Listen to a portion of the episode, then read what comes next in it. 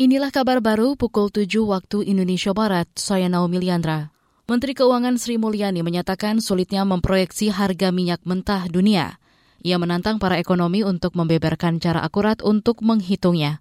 Hal itu diungkapkan Sri Mulyani dalam acara Sarasehan 100 Ekonomi kemarin. Tentu kita juga melihat ketidakpastian mengenai outlook dari harga minyak. Coba saya tanya 100 ekonom yang berkumpul dalam sare sehan ini. Saya mau tanya, proyeksi minyak Anda tahun depan seperti apa? Cara ngitungnya gimana? Saya pengen tahu aja. Karena kita juga di Kementerian Keuangan juga mencoba. Satu, pasti menggunakan data dari eh, agensi yang memang otoritatif di bidang minyak.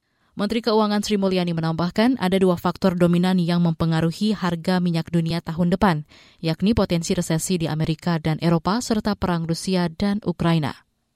Kita ke soal lain. Kepala Staf Angkatan Darat Dudung Abdurrahman menampik isu ketidakharmonisan antara dirinya dengan Panglima TNI Andika Perkasa. Isu itu muncul di rapat dengan Komisi Pertahanan DPR beberapa waktu lalu. Dudung berkilah adanya perbedaan di antara para jenderal merupakan hal lumrah. TNI solid. Kalau ada perbedaan itu biasa. Dalam satu organisasi mungkin saya dengan Wakasat juga ada perbedaan, saya dengan staf saya ada perbedaan, Kasdam dengan Pangdam ada perbedaan, pejabat lama dengan pejabat baru itu ada perbedaan, kebijakan itu biasa. Jangan dibesar-besarkan, ya. Dulu mungkin zaman Pak Hadi dengan Pak Andika ada perbedaan, ya nggak apa-apa, itu ya dinamika.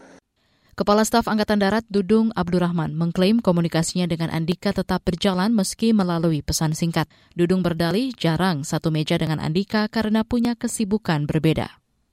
Beralih ke informasi olahraga. Atletico Madrid menang susah payah atas Porto dengan skor 2-1 pada laga grup B Liga Champions. Seluruh gol tercipta di detik-detik terakhir jelang pertandingan berakhir.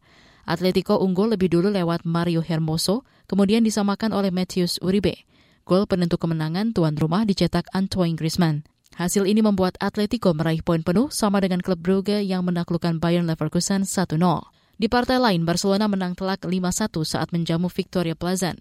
Robert Lewandowski memborong tiga gol, sedangkan dua gol lain dicetak Frankesi dan Ferran Torres. Demikian kabar baru KBR, saya Naomi Liandra undur diri.